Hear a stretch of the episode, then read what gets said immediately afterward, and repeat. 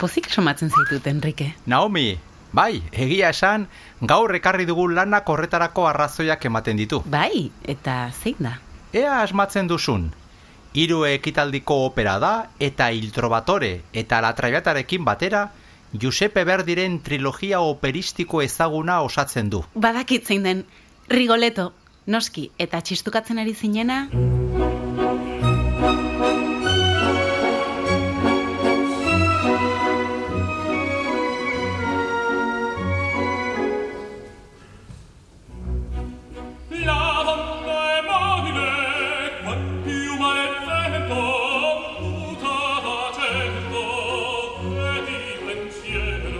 Rigoleto, bai, maitasunez betetako denboraldi bateko laugarren tituloa da, baina kasu honetan ohar bitxi bat egin behar dugu. Maitasuna bezain garrantzitsua da Rigoleton madarikazio bat.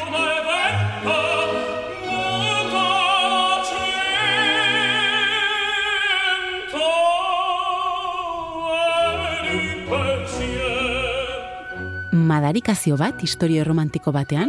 Ez, madarikazio bat maitasuna eta maitasunaren falta oso garrantzitsuak diren istorio batean.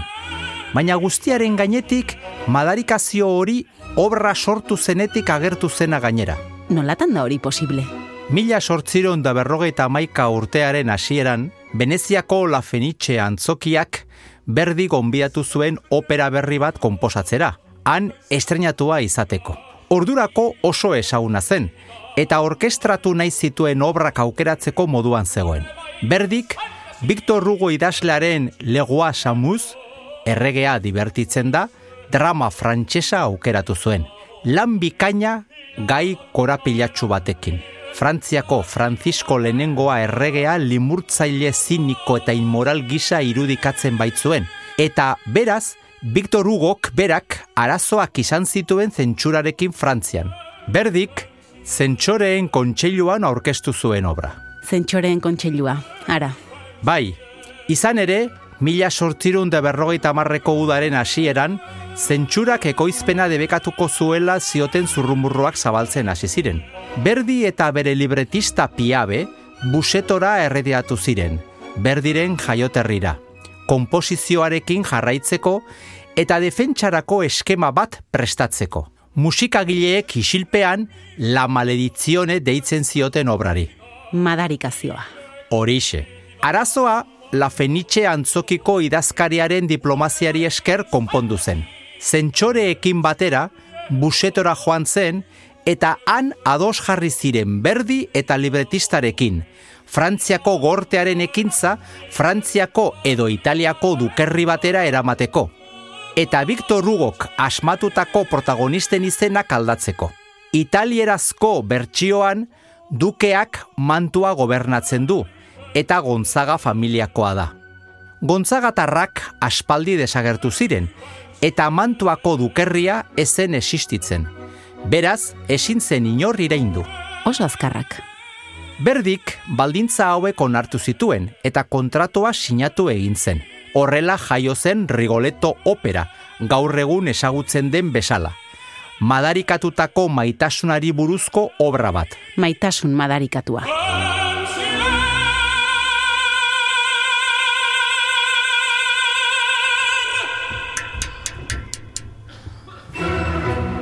Enrique Bert naiz eta opera prima podcastaren bigarren denboraldia da hau. Laugarren atala. Maitasun madarikatua.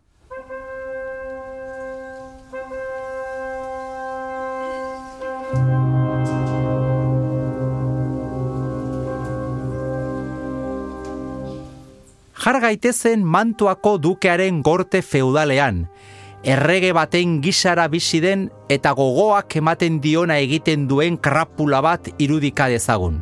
Kortesano guztiek bere graziei barre egiten diete, eta eskaileraren behekaldean bufoia dago. Honek guztiari eta guztiei barre egiten die. Gutxienez horren plantak egiten ditu. Bere funtzioa hori delako. Eta bere lana eginez, barre egingo dio Monterone kondeari, presaka sartu baita jauregira justizia bila. Hori bai, oso zaila du, bere negarra eta kesa dukearen aurkakoak baitira. Haren alaba bortxatu baitu eta noski, dukeak ondo jakingo du bortxatzaile konpultsiboaren jarrera justifikatzen. Testo inguru honetan, Rigoletok barre egingo dio sufritzen ari den gizon honen oinazeari, barre egingo dio bere alabak jasan duen gehiegikeriaren aurrean justizia eskatzen duen gizon bati. Eta hori guztia bere aurka itzuliko zaio.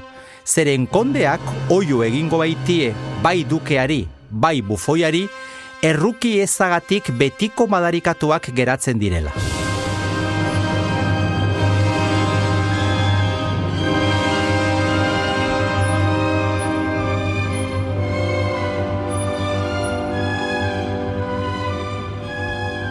Barkatu, baina orain arte ez dut maitasun tanta bakarra bat ere aurkitu historio honetan. Oraindik ez dugu esan Rigoletok neska gazte, birgin eta errugabe bat duela etxean giltzapetuta, bere alaba dena.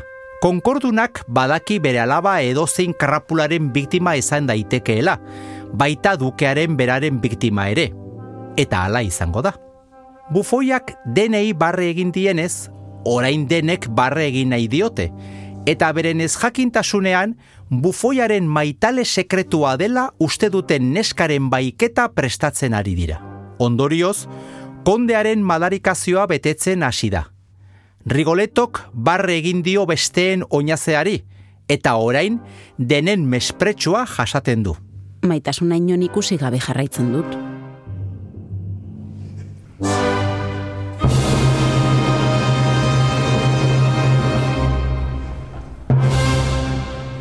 Hildak, Rigoletoren alabak, sutsuki maite du gazte bat, bere noizbeinkako iesaldietan elizan ezagutu duena. Hilda etxetik mesatara joateko bakarrik irteten delako, aitaren arduratik ies egiten duen aukera bakarra horixe da. Eta Hildak amets egiten du gazte horrekin. Pobrea dela, ikaslea, eta maite minduta dagoela esaten du, baina mantuako dukea da, arrapari bihurtu dena. Rigoletok badaki kondearen madarikazioa bete egin dela. Bera, neska gazte bortxatu baten aitaren minaz barre egiten zuena, neska baitu eta laidostatu baten aita da orain, baina ezin du amore eman.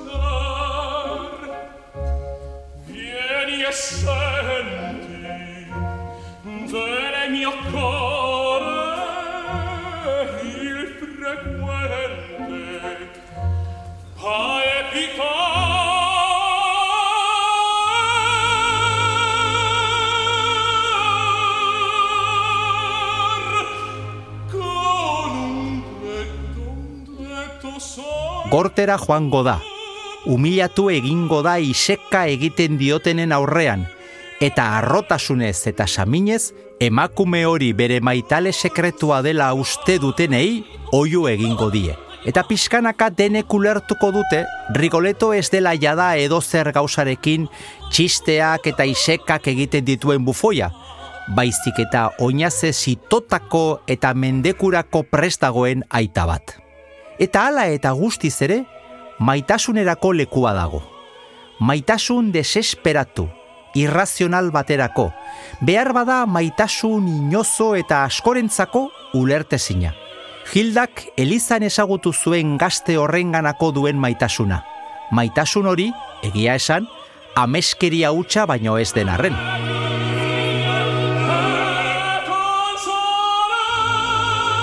Baina, inork ez aldio esan Hildari norden gazte hori. Ez alda konturatu baiketarekin bere maitale sekretuaren izaeraz. Bai, noski, baina gogora ezagun amodio desesperatu, irrazional eta agian askorentzat inozo eta ulertezin batez ari ginela. Eta jakinik bere aitak soldatapeko hiltzaile bat kontratatu duela dukea mendeku utxe zildezan, Hildak bere bizitza emango du maitearena salbatzearren, eta gau ilun eta ekaiztxu baten erdian bere burua hiltzen utziko du. Uf, ez dakit sinesgarria den dukearen jarrera kontuan hartuta. Gainera, aurkezpen hau amaitzeko gai izango zara ladona emobileri buruz hitz egin gabe?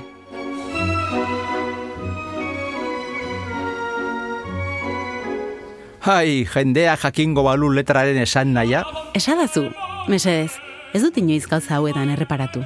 begira nola hasten den, eta saidazu gaur egun onartzeko esote dizkigun lanak ematen. Emakumea aldakorra da, nola luma aizean, azentua aldatzen du eta pentsamendua. Bere aurpegi eder eta atsegina, negarrez edo barrez, engainagarria da beti. Bai, hobe dugu alde batera ustea.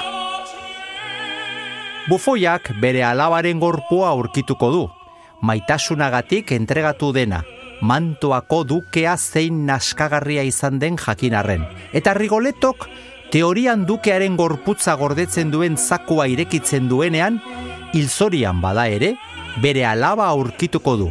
Alaba horrek bakarrik sentitu du norbaitenganako maitasuna opera osoan, eta garestiegi ordaindu du.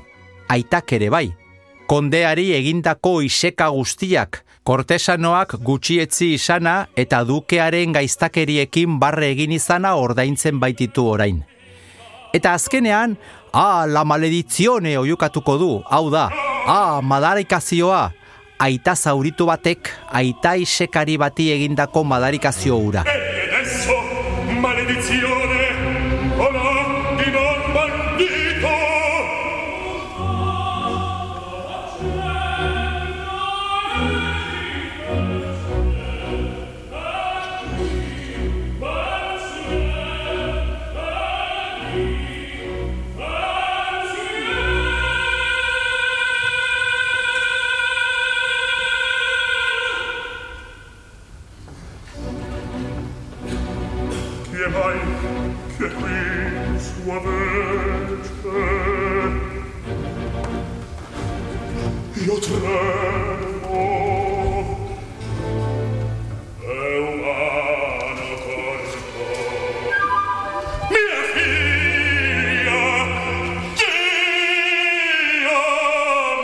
Ragazzi! Allò? È impossibile! Per Verona in via! Visione! Ed essa! Oh, mia Gina! Fanciulla, a me!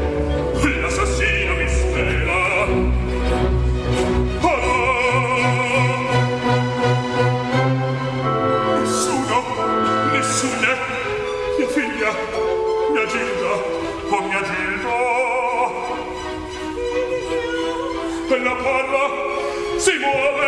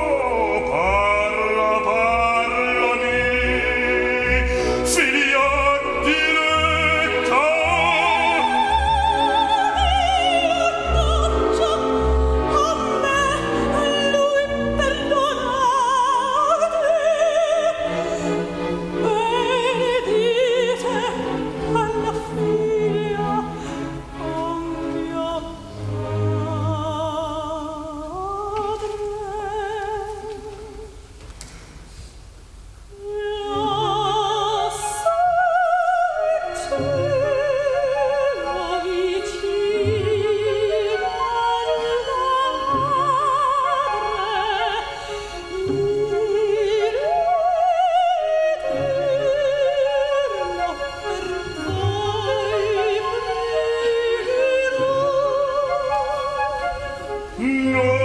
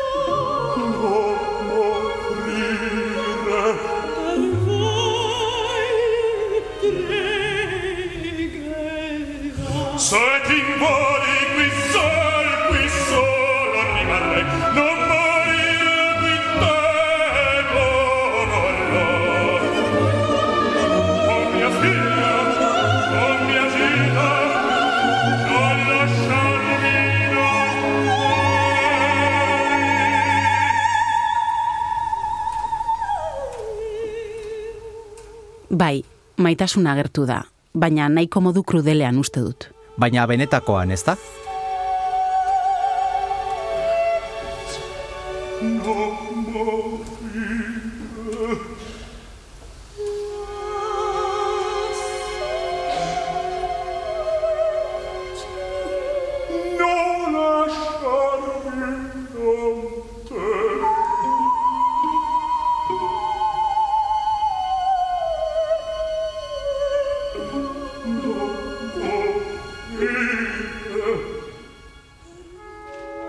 Urrengo atalean, Giacomo Pucciniren La Bohème operari buruz hitz egingo dugu. Orain, Rigoletorekin amaitzeko, entzun dezagun Gualtier Malde aria.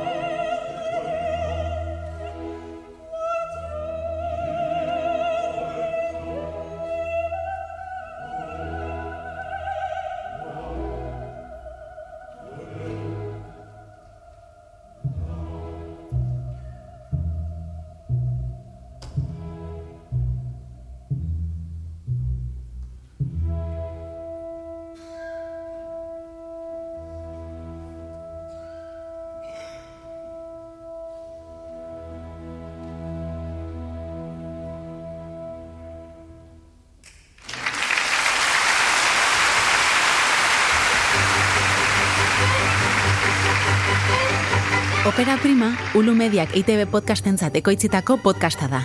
Abao Bilbao operaren laguntzarekin. Zuzendaria, Enrique Bert. Lokuzioak, Enrique Bert eta Naomi Mendizabal. Gidoia, Enrique Bert, Martin Etxeberria eta Xavier Etxeberria. Soinu diseinua, Oier Arantzabal eta Jon Gartzia. Gogoratu Opera Prima podcasta entzun gai duzula audioplataforma guztietan. Arpidetu eta gustokoa baduzu, partekatu familia eta lagunen artean.